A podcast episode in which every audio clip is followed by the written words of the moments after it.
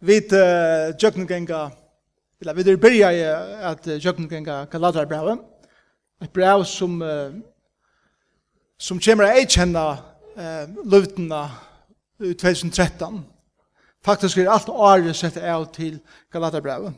Vi får inte häva Galatarbrevet kvann som det, men det er det som som at jeg vera uh, den store parten av, av året.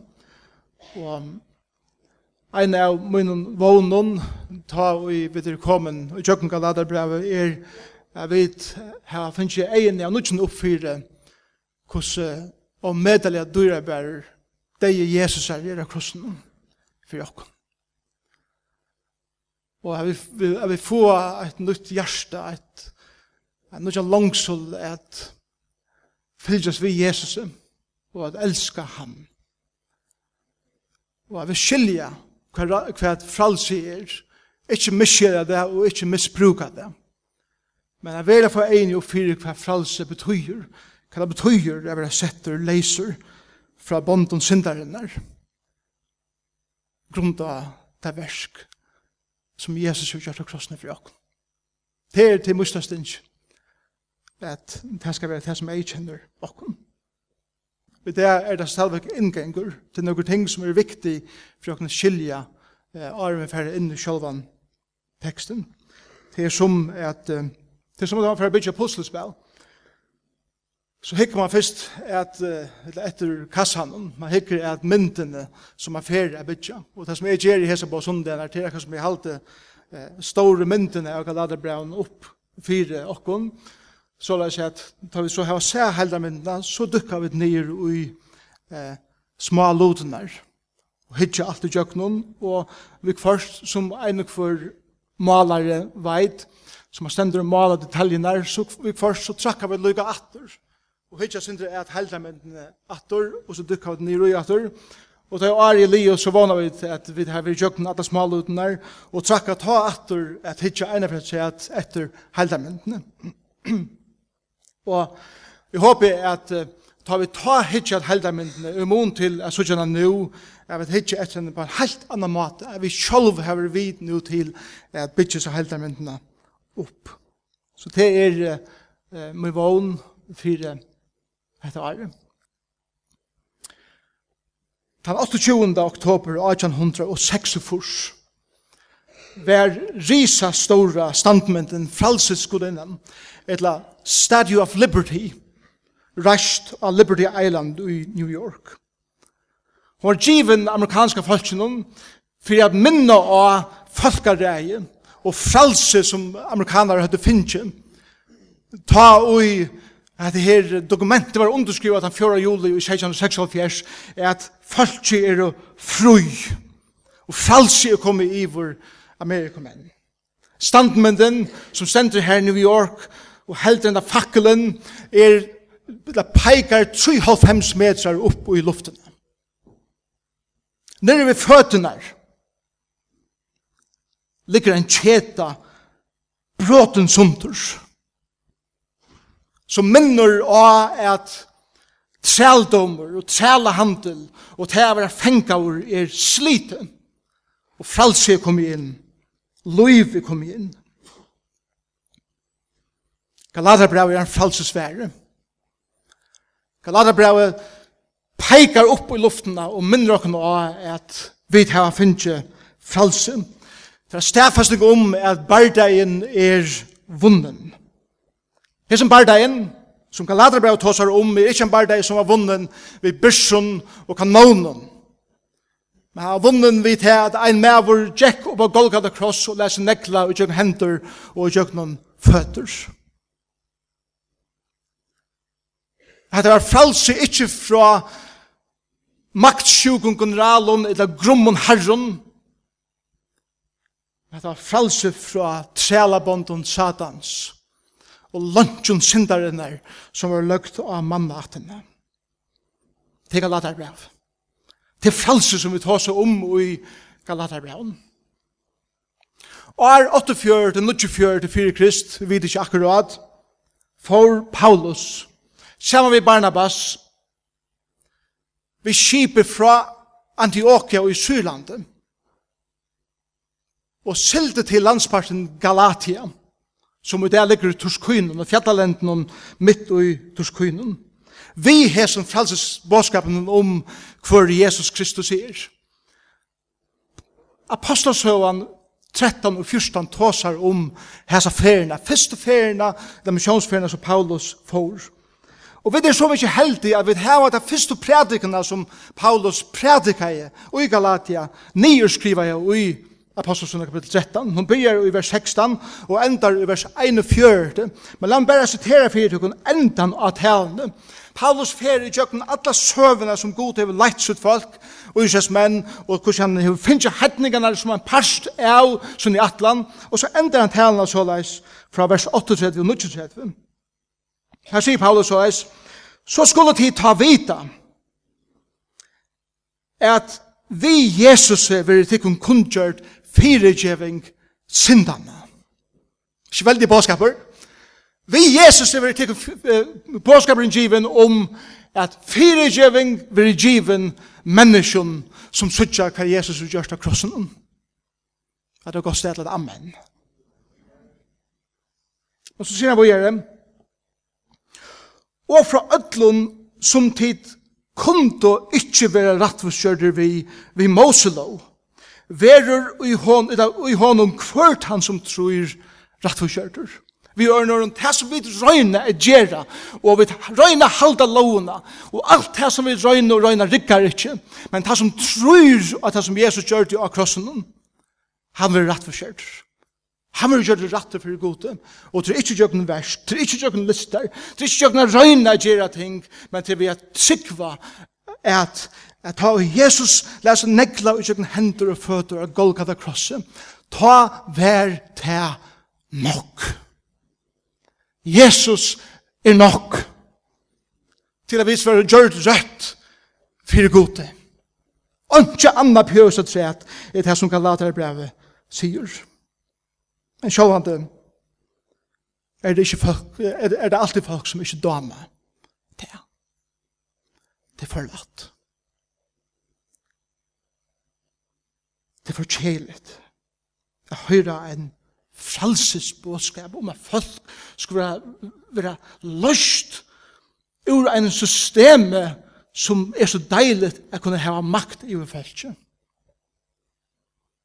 Galaterbrevet sier til løst fra tog. Her sier som du ikke dømte det var jøter, kallet jeg lovlærere. Det er folk som, som uh, vil varvaida en makt i feltet som har lagt några några träla bond av folk vi har säger vitt dig at det skulle göra hattar det skulle göra hattar det skulle göra hattar og det skulle inte göra hattar og det skulle inte göra hit og det skulle inte göra hattar om tid skulle vera no-go at fylgjast við Kristus og eisne om tidsler no-go at genga ui þessu samkommende som til genga ui. Og hessum bådskapen om fralse gikk jo tæra makt sjuke ved måter. Det er det som lovlærer gjør. Det er ikke å ha makt i følelsene. følelsene. Og det er grunnen til at det er det som år Guds sier, og her som fører en Moselov, at det er leggja byrar av folk som god ångan hever atla skulle ha lagt der av folk. Det er hava tidsi lovunar i gamla sementet, og hava skriva, eller tolka der av nudjun og skriva nokkur tinga træt som teirhalda skulle til fire at her kunne være rettforskjørt. Her kallet seg kristner, men her var jøder som var blivende kristner, men tog dem vi. Her sa det, ja, Jesus, Jesus er deg og krossen er gåver, men til slå eisende gjerne noe versk fire at de kunne komme inn i samkommene. Hetta førte til en herra, en fordømmande, en nøyeleisa religion som bant folk nyer, og som gjør det til gleden og frelse som Kristus har sett oss til at leve i forsvann. Og folk tjinker vi som tung og bisen. Tungere bæra. Jeg røyner livet opp til et eller annet i stedet for at nåta dette innelige samfunnet som god pjøver menneskene. For i ønske som han har betalt. Som vi ikke lot er jo i en bære at jeg er moters. Og det er det som Paulus fyrir etter i Galatara breven. Jeg nevnte senast at tonen i som breven er øyelig herrer og i mån til tonen i ørenbrøven. Da man leser fyrir kun innkensjen i flippebrevene. Det er ikke bibelen vi har møte kjær tid til land av færtelefonen, men fylgjer vi i teksten, sier det færre innen teksten. Men legg bare ikke til tonen, tonen i øren breven, og så tonen i, i Galatara breven. Så leser jeg eh, første versen i Filippe Braunen. Paulus og Timotheus tænar av Kristi Jesus til öll hina heilove og i Kristi Jesus som, som i Filippi er. Vi omkjører mannen og sankommentænaren. Nøye vi vil tikkun og frier fra gode feir okkara og herra, herran og Jesu Kristi. Jeg tatsje gode mun hverja fyr i minnes tikkun og i hverje bøn mun bygge alltid fyr tikkun öllum vi glede. Jeg takkje honom fyrir at tid lukka fra fyrsta degi og til nu har haft samfella vi med i arbeidene for evangeliet. Og er fullviser i at han som blir i godt versk i dekon skal eisne fullføre det til det Jesu Kristus. Det er jo rett for meg å huksa så leis om tikkun ødel. Det er hevet tikkun og hjertan og høyre det tånen? Jeg er så stolt av tikkun. Jeg er så gode vitt tikkun. Jeg Det er mer så, en, en så sterkur og vittnesbord. Færre som er mer til, til Filemon brev. Brevet til Filemon. Hvis jeg finner det selv, Brian, det er, det er uh, i midtelen Titus og Hebrea brev. Og så er det 200 nødkjoltrus, til som er ferdig for.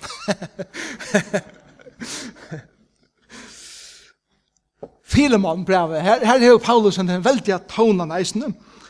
Um, Paulus fengi Kristi Jesus og, og, og broren Timotheus til Filemon elskar jeg vin okkara som arbeid saman vi okkon, Apeio, syster okkara, og Agrippus, eller Arkippus, som struger saman vi okkon, og samkomne hos oss, nøye vi tikkun og frier fra gode feir okkara, og i herren, Jesus Kristus.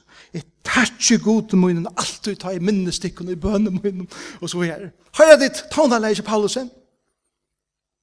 Ja. Så er det Galaterbrev. Kapitel 1, vers 1. Paulus, apostol, det første han sier. Ikke av menneskjen, ei heldre av nøgru menneskja. Wow! Han sier beina av hver han er. tog jeg at hans lillærerne, et hese lovlærerne var kommet inn, og det er spurning vi Paulus som apostel. Apostel, var det ikke tær som fyldes vi Jesus, ja? Paulus var omgang fyldes vi Jesus, ja? Så, så hvordan heldur han seg vera kom inn her og kalla seg apostel? Det er spurningar vi vet her. Paulus sier, Paulus, mitt navn, og jeg er apostel. Det vi? Vers 5. Jeg undrust av at Jesus kjøttla deg vittla, eller venda bort fra honom, og jeg kallar deg vi nøye kryssar til Anna evangelium, kapitel 3, vers 1, tid skila leis og galatar Hvor hever ganda tikkun tid som Jesus Kristus var malaver fri egen tikkara som krossfester? Kapitel 5, vers 1. Til frelse hever Kristus gjørt okkur fruer, standet du i faster og leta deg ikke atur ledja under trelabond Sier du Brukte som myndan sier han peker ui så lilærerne og lålærerne, han smekkar altså, oppe av vetsjen og sier, hva er det som de gjerra vi heter falset som er sett frelse? Og leggja det atter under det trælbands åkje som de har lagt av deg. Så heter tånden og ikke lærderbrann. Men Paulus skriver ikke bare til brøderne og syssene, han skriver eisende til lovlærerne, og til tog hessen tånen er. Vi kvars kommer hessen milde tånen fram eisende, vi får komme til det settene. Men, men hva er det som er på spil? Hva er det som hender? Det første er til at disse lovlærerne, jøtar som var blivne kristner, men allegalt tog der jøtar de visser. Dutt vel at argumentera. Og det dutt vel at samføra folk om at det som Paulus prædikar, det er forbøylet. Altså, bare at sikva det som Jesus gjør det for det krossen, det er forbøylet. Det var stjerande ikke? Det var kostet der nækka. Du måste være en pastor av hos versene som Kristus gjør gjørst. Det er som Paulus sier. Hatta hatta fer folk bara vera bara meira la la og det er ikkje farligt og så vidare. Så ikkje det ikkje vandanar ut i at hvis man bara predikar evangeliet at det som Jesus vil gjørst nok og du ikkje føler nekka apert at ja, og vet? Jo, så har vi det ikkje godt kontroll av det kan nok. Det er det som lovlæreren gjør.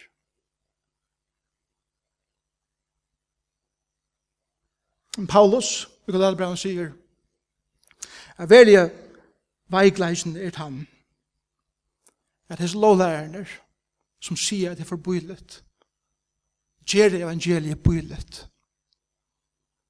ved å si at det som Jesus gjør det av krossen er ikke nok. Og så la oss gjøre at det er det Jesus er bøylet igjen, som om det er man legger også træt. Og her er det vanten er. Og hvor er vanten? Vanten er han er at det er så trobult tja hettningum å slippe inn i et samfunn ved Kristus og inn i samfunnet i samkommende. Tog at hese lovlærerne krevja er at om en hettningur Og ta vil ville helst ikke heva hetningar vi i sankumna, ta helt det sankumman var nega jøtest nega. Hetningarna er, uh, at er hundar, at er skittner, at er, at er, at er skiteblå. Tussel gjør det så ringt som møl, så da man slipper inn. Og til trobult så hetningarna slipper inn i er samfunnet ved Kristus, og inn i er samfunnet i en sankumna. Hvordan slipper? Hvordan slipper hetningar inn? Hvordan slipper?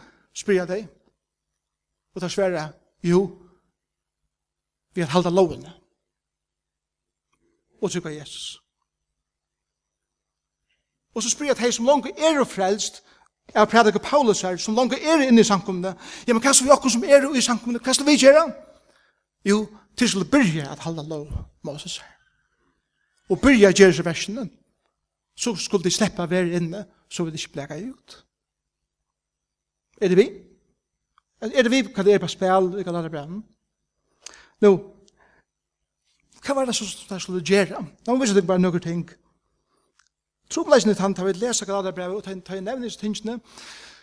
Jeg tror jeg vet ikke ordet er ui en jødisk kultur, vi vet ikke ordet hvordan djupere en jødisk kultur er, så leser vi det så lattelig, og det er så lattelig for boi.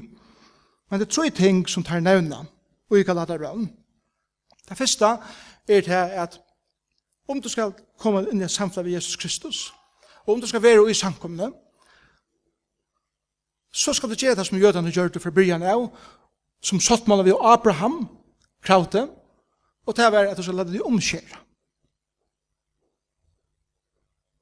Og så hugsa vi, åja, nasta. Altså, omskjering er det at du skjer forhående av. Det som tar komme her og sier, om du skal bli frelster og komme inn i et indre samfunn med Jesus Kristus, så skal du ut av hospital. Og du skal gjøre peinleis et inngrep av ditt likam, hver du først under en operasjon. Som kan se deg sitt merke av ditt likam for resten av din liv. Hvis du gjør det, så kan du være her. Føler det sinne meg nå? Titt menn? Mm. Nekka sann er heimen der omkjøder eisen lutla jenter, er du klar over det? Grundar religiøsitet. Grundar at det skal livet opp til et eller annet for at godkjennast. Og rena så løs livet fra lutlom og skyldjen ungodkjent.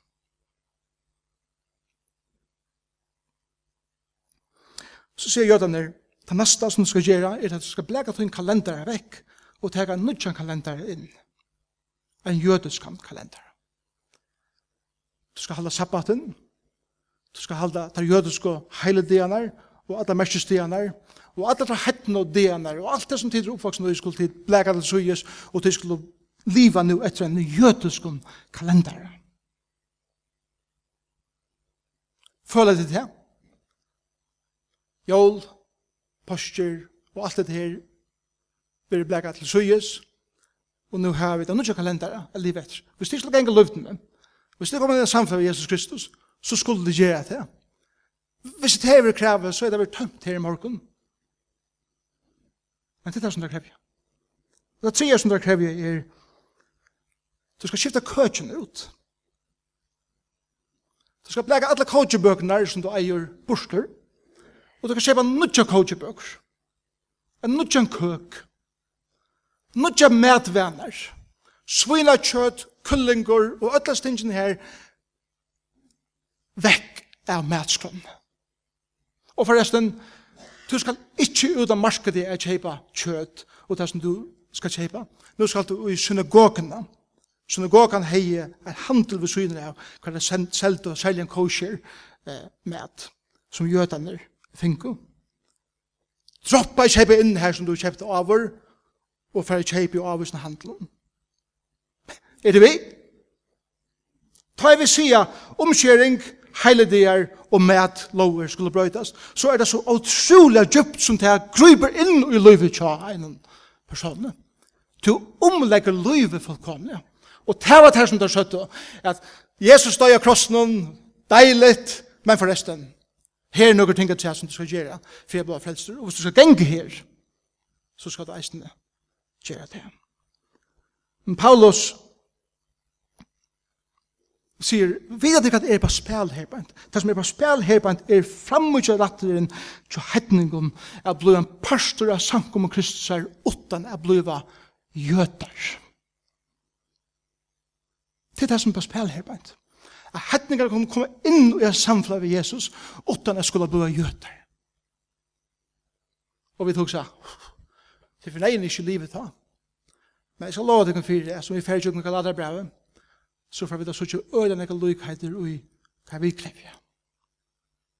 Hva vi kjera. Hva vi forvanta.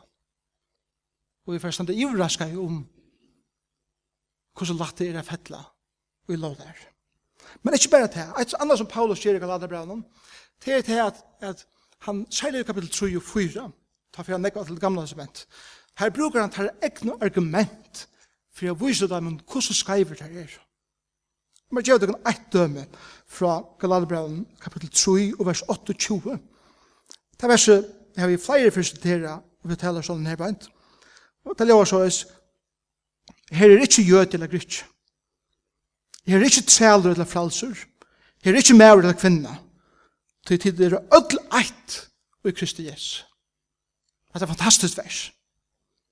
Men det som er fantastisk vers versen er til at Paulus fer inn i Talmud som er et jødisk skriv, en kommentar på lovene, som farseerne og ånder løtte nekka lover et træt. Og nekka er skrivet ui er bønner alt mulig. Ein bøn som jødene bo om, reglelig, og i gamle som og Jesu er døven, og eisen Paulus er døven, vær god. Jeg takkje fire, at jeg ikke er føtter, hetninger, men jød.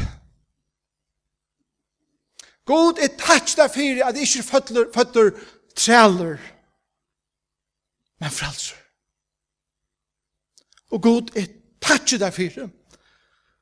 Jeg takkje deg særlig for det. At jeg ikke er født som kvinne. Men som mever.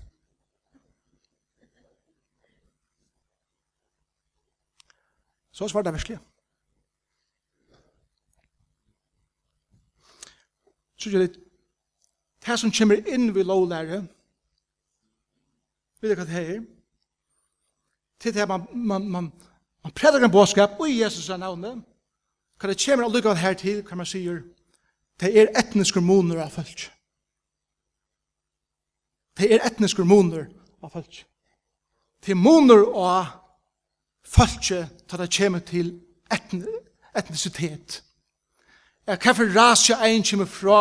Og så gjerne sier han, at folk gjør eisne stattarmon, lovlæra gjør stattarmon, at det er bedre å være en som bestemmer heller enn en som tæner, at det er bedre å være herre heller enn en som uh, er tæler, det er bedre å være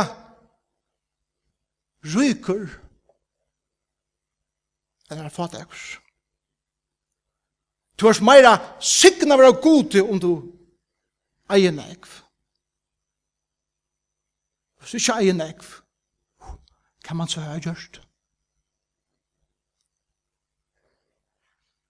Og vi pjør seg ikke for nå, månen som vi gjør av mannen og kvinnen. Kring Adelheimen.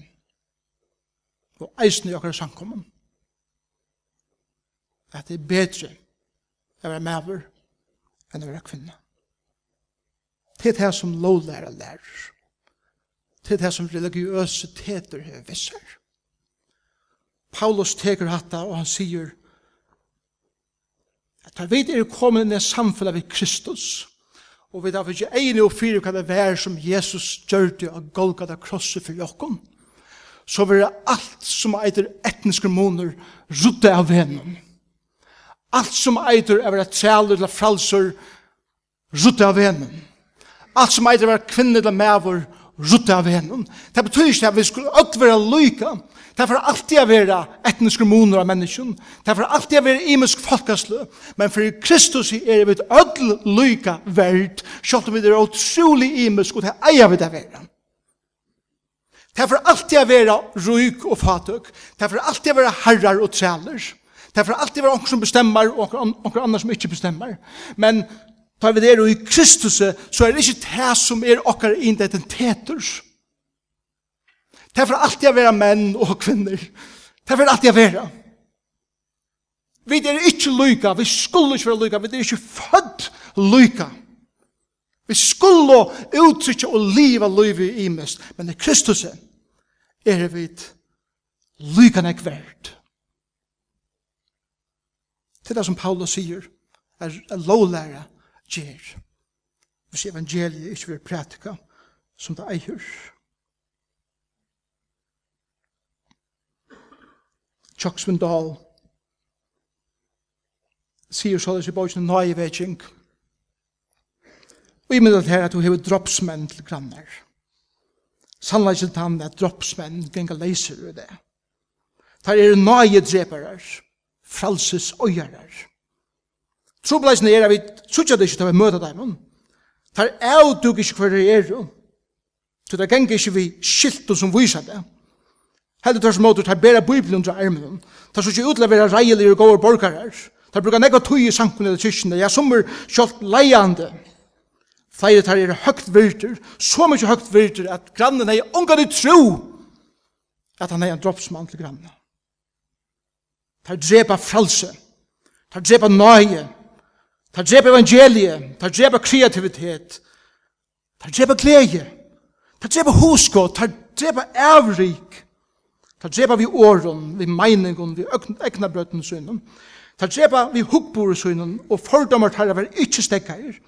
Domar tar var ikkje kannair. Øyande snilde tar var ikkje avduga her. Og stodskikken tar var bortforklare eller rattforskjørt. Haftene som tar binda menneske vi. Hadde vært råkna som lovarbrot, hadde ikke vært vovi inn i religiøsan og andalian råtenskap. Og i det, just nu er det mange kristne som lever i øtta som lever skam og underlig kjenslen i stedet for å leve i frelse og i frie og i glede. Tid eisen i førjen er etter. Sorgeleggerne tann at såleis halda deg at ha eira vir det var glemt smertjen av sannleggene som har sånn å gjøre deg fru det er offer i livet som om at de bor etter deg av dem og i stedet for å njøte frelse og nøyene, som Kristus bjóvar öllum, er det fengar. Det neivan nokkur samkomma, neivan nokkur kyrkja, neivan nokkur missionsfellesskaper, neivan nokkur grannale. Hesu droppsmenneske lura. Hette det her som Paulus sender motor. Hette det som Paulus predikar motor i Galaterbram. Og han minner Galatia, han minner okkon. Og det er fralsen og ta nøye og den sannleika som Jesus er kommet vi, og evangeliet om at Jesus er nok til å sette dere fru Og, og frelsesbåskaperen der som er frukst låt av vinter som kommer inn og, og spranger seg horene opp som leser dere inn. Og ta Jesus kom til gjerrar og gikk rundt der, så, så var han hens slik avvurskan av mennesker, at her som øtti hei vere, her som skulda kjensle våre, det har sett til suyes for kærleika og for glede. Så tar han som fyllt vi Jesus. Og i stedet for å ta oss om hva versk vi skulle utinna, ta oss av Jesus hjertet. Og sier for jeg krevja en lengan liste av avrikon. Så sier Jesus som trygg. Så einfalt. Og Jesus sier, og til skal kjenne sannleikan. Hva? Sannleikan gjør ikon fruer. Sannleikan er så einfaldur til det Jesus døy av krossen for min og tøyne synd. Punktum. Det Teg imot tøy vi hjertet. Trygg tøy i stedet for at for den nøyden av livet opp til lenge lister er hva du må og ikke må. Og i egnar kraft. Etterfølger Jesus elsker elsker å fylgjast seg. Det er elsker å genga med han. De elskar å føle fralse. Men lovlærerne hata av det. Og det hata av han fyrir det. Hvor? Det er det miste kontroll. Det er miste maktene i menneskene. Det er Jesus kommer sette deg fru.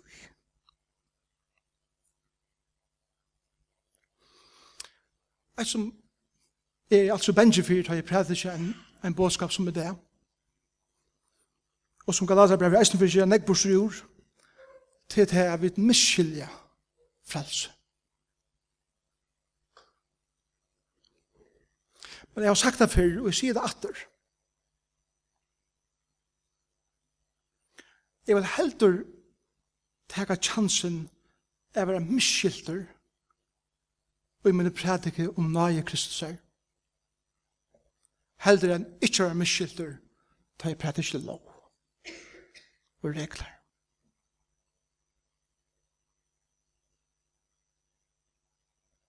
Og tog lærer Galaterbrevet åkken heter at jeg være frelser, jeg være setter fryer fra synd og fra trælabonde synderen er grunn av det versk om Jesus gjør seg Golgata, så betyr det ikke at vi skulle nå kunne bare fære ut og liva og lata som vi vilja. Det er misbruk av frelse. Og til heldig ikke fære ut, og så nå røyne at gjøre alt møvelig ting, og bli involveret på alt møvelig, og røyne være så aktiv for Jesus som møvelig, og i egnere kraft. Som om at, jeg tror Jesus gjør hatt det for meg, så må jeg røyne at gjøre hatt det for ham. Og Og ofta vil hatt a prædika for sånn. Kristus vil gjørst hette for tikkene, ikke minst det vi kunne gjøre for han er til vid. Hva er det til? Til lovlæra.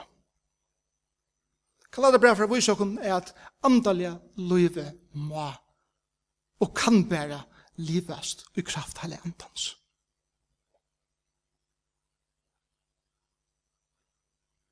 Og hva er kraft hele andans? i akkurat løyve? til det han avvokser andans byrjast, byrjast, suttjast, mer og meir økra liv. Vi får større karlæka. Så jeg kommer og møter sånne morgen, ikke tog jeg skal, å, vi må møte opp i luften sånne morgen. Åh, ok, men det. Jeg vet ikke at jeg kunne komme handa med denne morgen. Men det er ikke karlæk. Det er norsla. Det kommer til hava en sitte løte som i herren daglige, til bia, til kjeres tingene, tog at til framprovokera det ikke sjolv, men heile anden skaper tann avvaksen ui okkom som gjer et liv som gjør en kjønlig avvokst Er det vi? Hatta fyrir vi det grevo i eisne. Og hatt det for å gjøre det andre løyve for å være så ekta som det kan. Grunden for at vi er etterfølger Jesus, er det som han utgjørst. Og styrsten av er være etterfølger Jesu er det som hele anden gjør i mer. Det er en ber sin avvøkst og i mer. Og tog i min avbjøring det hendan. Vil du teka fotla og avbyrd av frelsenen? som du finner i Jesus.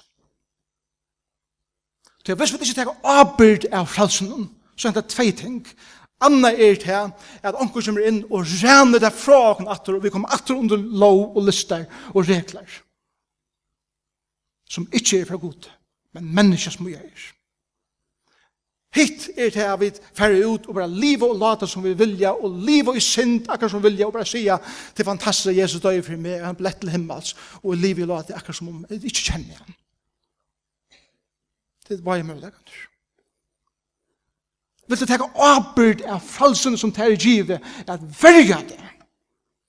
Anker sagt så leis, at det samme hatt som fralses skulle innan stender, uh, av Liberty Island i New York vi som veldig faklen og minner av fralse så burde ein avbyrdar gå inna steg av vest, uh, uh, Vestersøyene, ja, nå blanda jeg Ester og Vester. Fralses gå innan av Vestersøyene, avbyrdar gå innan, altså væren er minna av avbyrdene som er eisne hever, er verja frals, burde steg i San Francisco Bay. Og til det her som er tøtninga mykje i evangelium. Vi tar frelsen, men vi tar apert. At livet og at verja er det frelse. Paulus heldur Galater brev upp som en kjendelen som lyser frelse som vi da finner i deg er Jesus. Og han sier så leis, lovlæra spyr hva det skal gjøre. Fralse sier hva Gud hever gjørst. Lovlæra hikker etter hvordan gåver i er. Fralse sier hvordan gåver god er. Lovlæra hygger er at hva det kan avrika. Fralse kviler og i hva avvøkst heile anden ber i mer lovlæra samanber vi ånder. Fralse er a sutja hvordan god ser med. Lovlæra rattvus er seg sjolvan. Fralse er a kvile ui a god hever gjørst med rattvusan og Jesus. Lovlæra peikar av hvordan ring hinn er. Fralse peikar av at god er sjálf gode vid hei, som ikkje er god. Og hver okkene der er gode nok, ungen. Bæra Kristus, og ungen andar er gode nok. Til jeg vet en dag kunne tryna framfor god, og han vil spyrja, hver er du? Og for å ta avstand til her og sier, jo, God, sier du, lystander som jeg har. Jeg har gjort hattar og hattar og hattar og hattar og hattar og hattar og hattar. Og jeg har ikke gjort hattar og hattar og hattar, og jeg gjør det heller ikke hit. Og god for å skje ut det.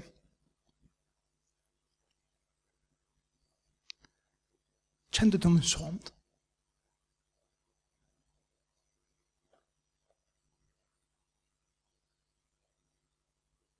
Vær min soner, gåver nok til tøyden. Og Thomas så sier nei. Han var ikke gåver nok til det rente ikke nok tenker tjent.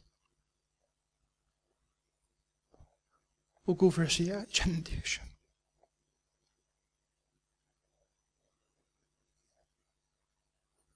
God teker bæra imot heimen som teker imot hans sønne. ungunner.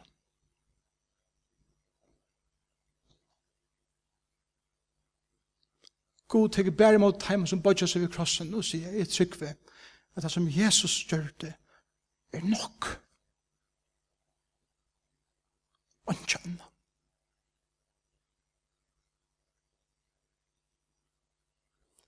Og tog er mot kall til tøyn, kære viner som er styrt det. Tors kom kanskje her flere fyr. Etla møvlig er fyrir første fyr. Og du sust og strevast vi at røyna at livet opp til onker ting som du heldur at nu er i gode nok til å komme her som Guds folk samast.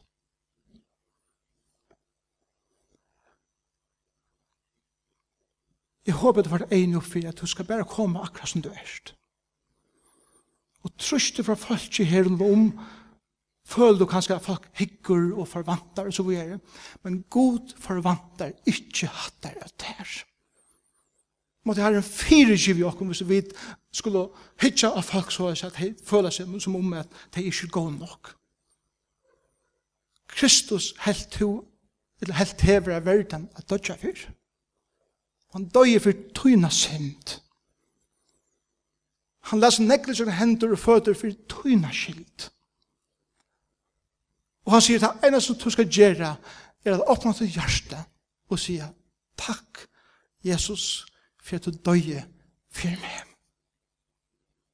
Og du skal blive Guds paten. Så einfalt er det. Og vi vet hva gjør det så innviklet. Men så einfalt er evangeliet Trygg av Jesus Kristus, og du skal være frelstur.